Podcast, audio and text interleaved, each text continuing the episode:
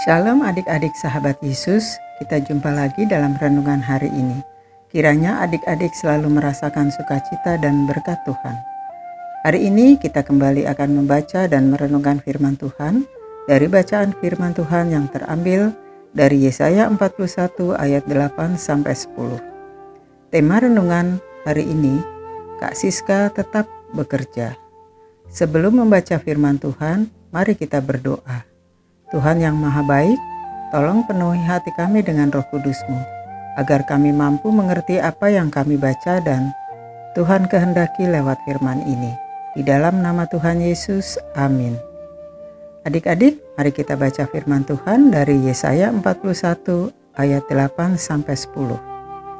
Tetapi engkau, hai Israel, hambaku, hai Yakub, yang telah kupilih keturunan Abraham, yang kukasihi.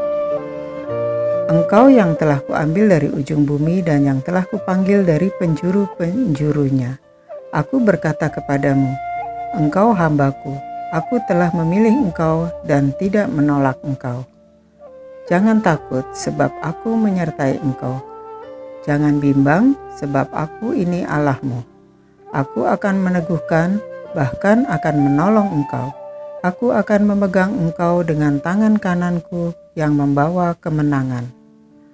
Fokus ayat kita hari ini Yesaya 41 ayat 10. Jangan takut sebab aku menyertai engkau. Jangan bimbang sebab aku ini Allahmu.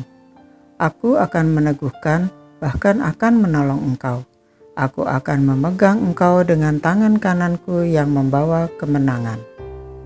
Adik-adik, sudah hampir dua tahun seluruh dunia menghadapi pandemi akibat virus COVID-19 termasuk negeri tercinta kita Indonesia.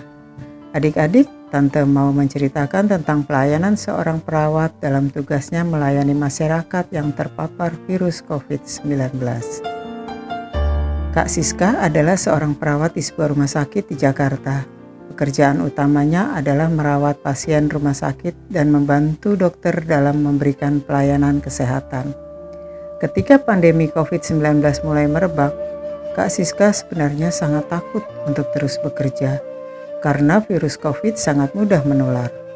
Banyak pasien COVID-19 yang dibawa ke rumah sakit tempat Siska bekerja. Kak Siska sebenarnya takut sekali tertular penyakit itu. Apalagi jika tertular dapat membahayakan keluarga dan teman-teman yang sangat Kak Siska sayangi. Namun, Kak Siska memberanikan diri untuk terus bekerja Kak Siska sadar bahwa ia sangat dibutuhkan oleh orang lain, terutama para pasien COVID-19. Walaupun harus memakai alat pelindung diri yang sangat tidak nyaman dan menghadapi risiko dapat tertular juga. Tapi adik-adik, Kak Siska tetap memberanikan diri untuk terus melayani para pasien COVID-19.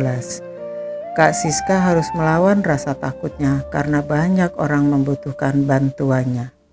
Nah, adik-adik, sebagai seorang perawat, Kak Siska takut bekerja karena takut tertular virus COVID-19.